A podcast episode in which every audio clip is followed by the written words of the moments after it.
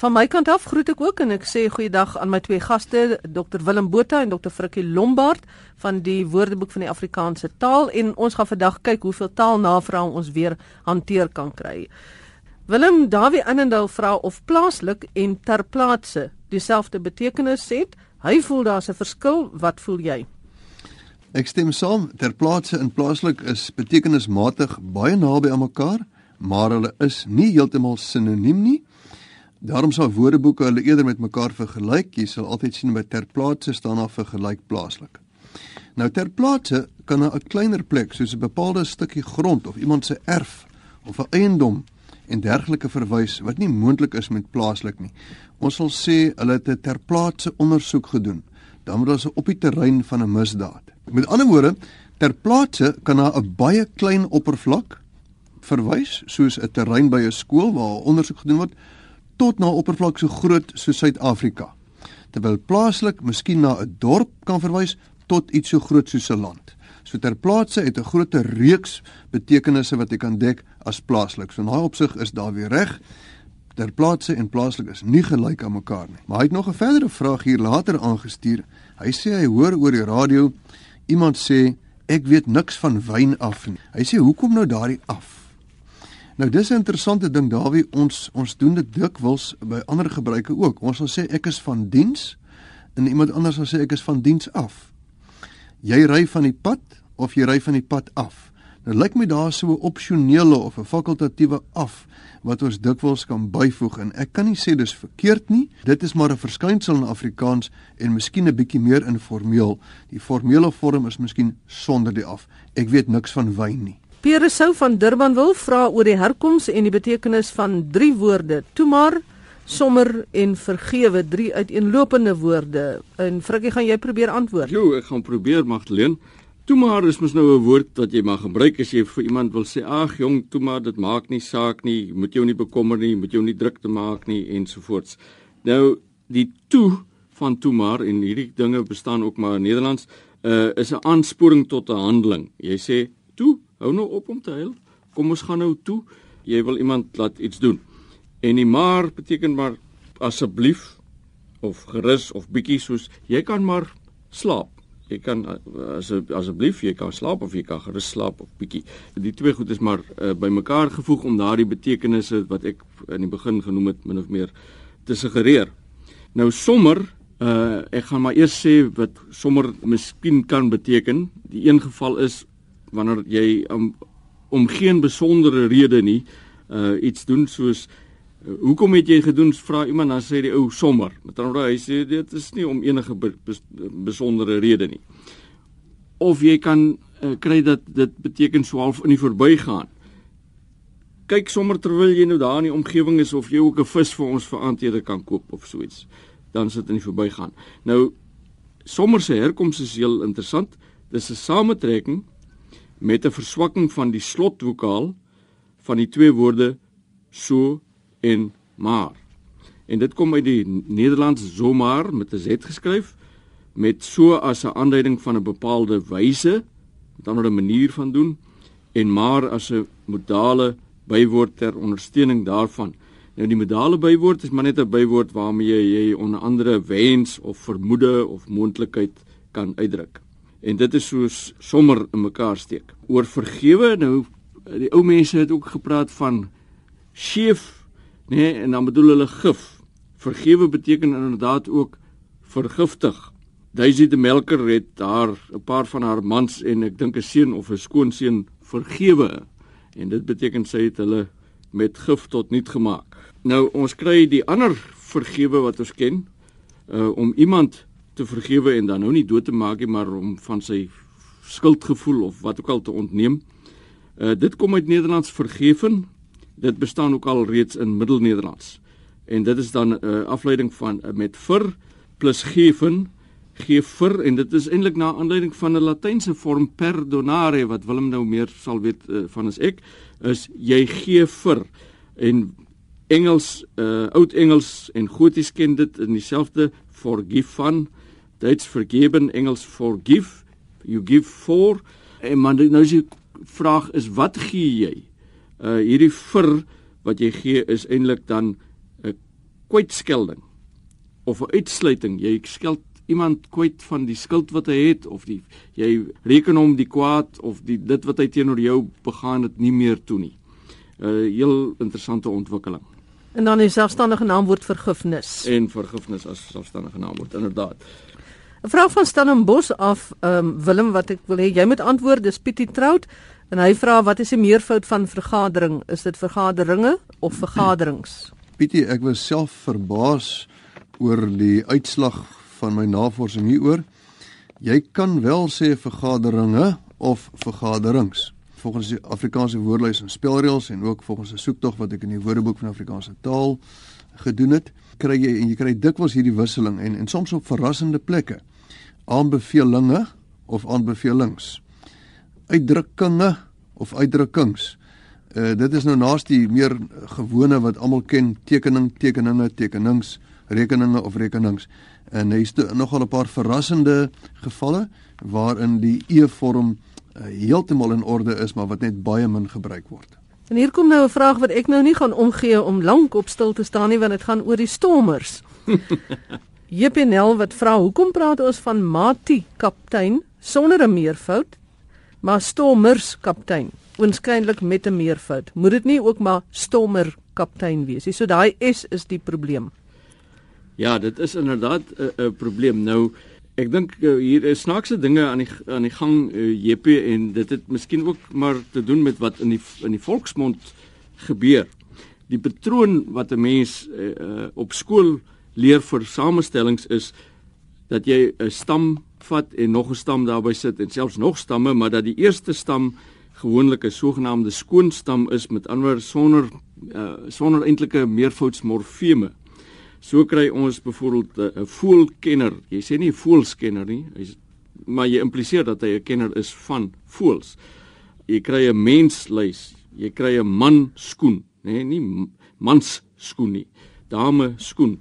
Uh en as jy praat van uh in sekere gevalle van sê maar 'n dieretuin of 'n dierelys, dan is daardie e wat daarin staan is dan nie 'n meervoudsmorfeem sonder meer nie, maar dikwels wat ons noem 'n uh, verbindingsklank of 'n voegsel.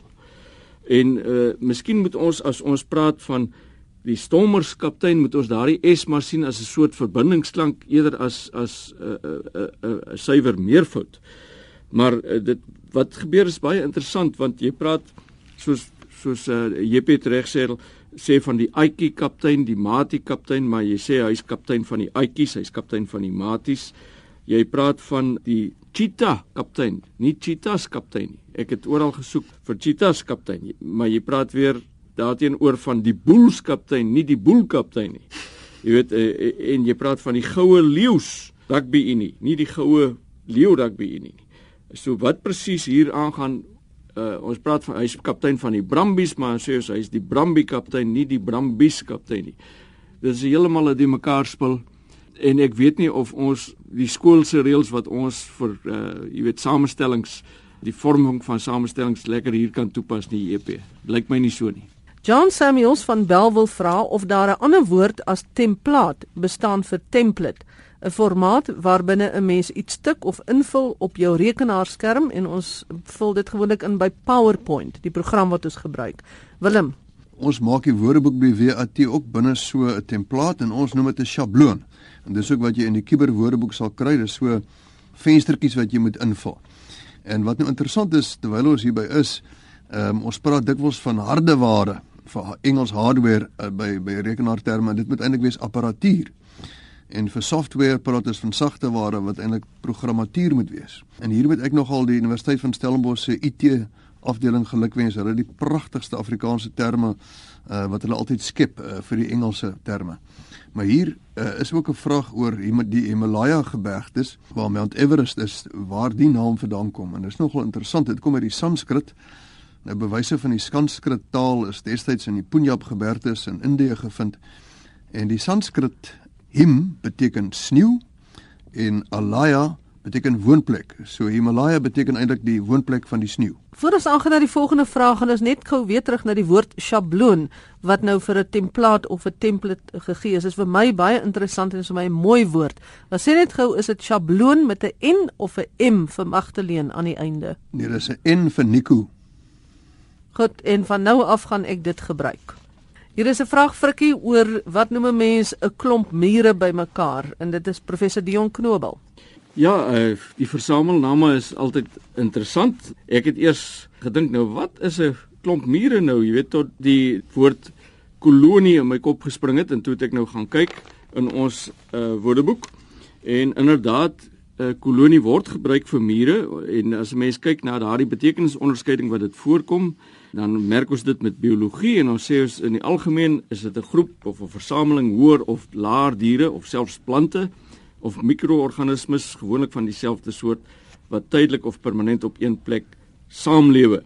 En nou ons het dan ook 'n voorbeeldsin Mure is by uitstek sosiale insekte en vorm kolonies wat bestaan uit gespesialiseerde individue van verskillende stande. Willem, hier kom ons nou weer by een van daardie woorde wil ek amper sê ons het met 'n vorige program ehm um, gepraat oor band en orkes 'n rockorkes ensovoorts en hier is 'n woord wat nou vir my half in dieselfde kategorie val en dit is Ampie van Wellington wat vra ons moet praat oor die woord song. Dis nou soos in die Engels vir liedjie. Ja, ek dink uh, song staan hier teenoor liedjie soos band teenoor orkes of groep staan. En ek het maar 'n bietjie gaan rondblaai en ek het gesien dat rock liedjie kom dikwels voor in koerante en natuurlik woordeboeke. Uh, Santana het 'n Grammy gewen vir beste rock liedjie. Ek het ook hier 'n aanhaling uit die Burger van 27 Desember 2004. Die liedjie Stairway to Heaven van Led Zeppelin se vierde album is as die beste rocklied van alle tye aangewys. Nou ek weet dat song baie voorkom en ek het weer eens gaan kyk na na Anna die Afrikaans-Nederlands Nederlands-Afrikaanse Woordeboek wat die jongste uh, woordeboek is uh, waar Nederlands en Afrikaans met mekaar uh, gepaar word. En um, daar word song wel aangegee vir Nederlands en as informeel aangedui ook vir Afrikaans, maar ek het tog oorvloedige bewys dat daar gepraat word ook van rockliedjies en popliedjies. En dit is interessant dat dat kunstenaars soos Chris Chameleon en ek dink selfs Steens Jordan en as nog ander sal praat van my volgende liedjie is dit en dan vertel die storie. So weer eens ek dink dit is maar die informele weergawe 'n song, maar ons het werklik nie 'n behoefte uh aan aan aan song nie. Ons het liedjie. Uh dis maar song het maar die afgelope tyd uh, gewild geword soos venue. In die ou dae het jy altyd gehad as jy 'n formele uitnodiging kry, tyd, datum en plek. En skielik sê mense maar plek, plek klink so eenvoudig, dit klink so plat venue. Venue het geen betekenis of iets aan hom nie wat hom anders maak as plek nie. So Ek weet van song, maar daar is wat my betref geen probleem met liedjie nie, dis maar 'n kwessie van persoonlike voorkeur. Frikkie en Bloemfontein se luisteraar het in die Volksblad gelees van 'n sekulêre staatsvorm. Wou vra die persoon wat 'n soort staatsvorm is dit? Ja, dit is 'n uh, 'n staatsvorm waar in godsdiens die kerk of spirituele belewenis nie 'n rol speel of in elk geval nie 'n oorwegende rol speel nie of waarvan die die staatsvorm waarvan die uitgangspunt die onderrig of die dergelike ehm um, nie nie berus op jy weet godsdiens die kerk of uh, spirituele belewenis nie. Met ander woorde uh, ons praat van die die sekulêre lewe uh, ons leef in sê maar 'n sekulêre land wat nie deur uh, die die grondwet word sê maar nie vanuit uh, soos in die ou dae 'n teokratiese samelewing waar waar God uh, as dit ware in die plek van die mense gestel is, het ons nie hier nie. Dit is sekulêr beteken van die wêreld en uit die Latyn is dit dan ook afgelei secularis wat met saeculum, Willem spreek ek dit reg uit? Saeculum uh wat beteken wêreld of tydvak.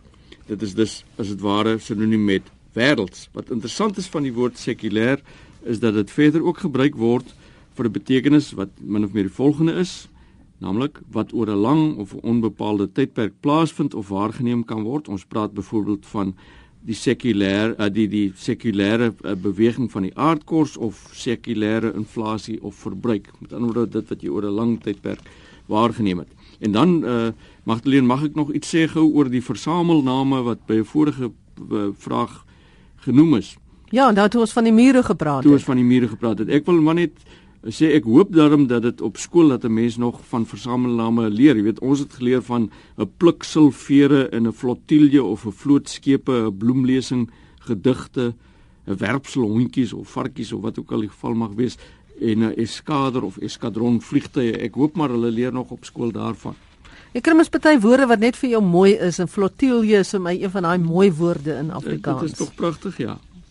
Willem uh hier is 'n Willem Visser van Rodepoort wat vir jou vra waarom word daar oor die radio gepraat van die stad Kaapstad en hy vra ook of 'n mens me dis nou M E sonder 'n van as aanspreekvorm sal gebruik. Nou moet ek hom net sê dis nie net die radio nie die uh, stad Kaapstad self gebruik dit in Afrikaans op hulle briefhoofde. Maar vertel jy gou vir ons die storie. Ja, ehm um, Willem, ek dink die stad Kaapstad is soos jy sê 'n verkorte weergawe van die stadsraad van Kaapstad of miskien die munisipaliteit van Kaapstad. Daar's oorvloedige bewys daarvan. As jy kyk na die koerante en dan sê hulle Charles Cooper, 'n woordvoerder van die stad Kaapstad, dan is dit nou van die stadsraad. Die skema huise van die stad Kaapstad is van goeie gehalte ensovoorts. Dis dan die stadsraad of die munisipaliteit Kaapstad. Daar het jy heeltemal die reg. Dan me ek dink nie me kan ooit uh op sy eie as aanspreekvorm gebruik word nie. Wel, ehm um, jy kan praat van me uh, Geldenhuis, maar jy gaan nie sê uh, ekskuus tog me uh, sal jy net nader kom. Dit sal jy nie kry nie. Ek sal net sê, "H?" Huh? ja. Dieselfde met Engels, die MS, hulle sal dit nooit uitspreek as 'n aanspreekvorm nie. Dan het hy 'n laaste vraag en dit gaan oor Brasilië. Hy sê met die sokker wêreldbeker volgende jaar in Brasilië is daar heelwat verwysing op die radio en in die pers na die land en sy mense.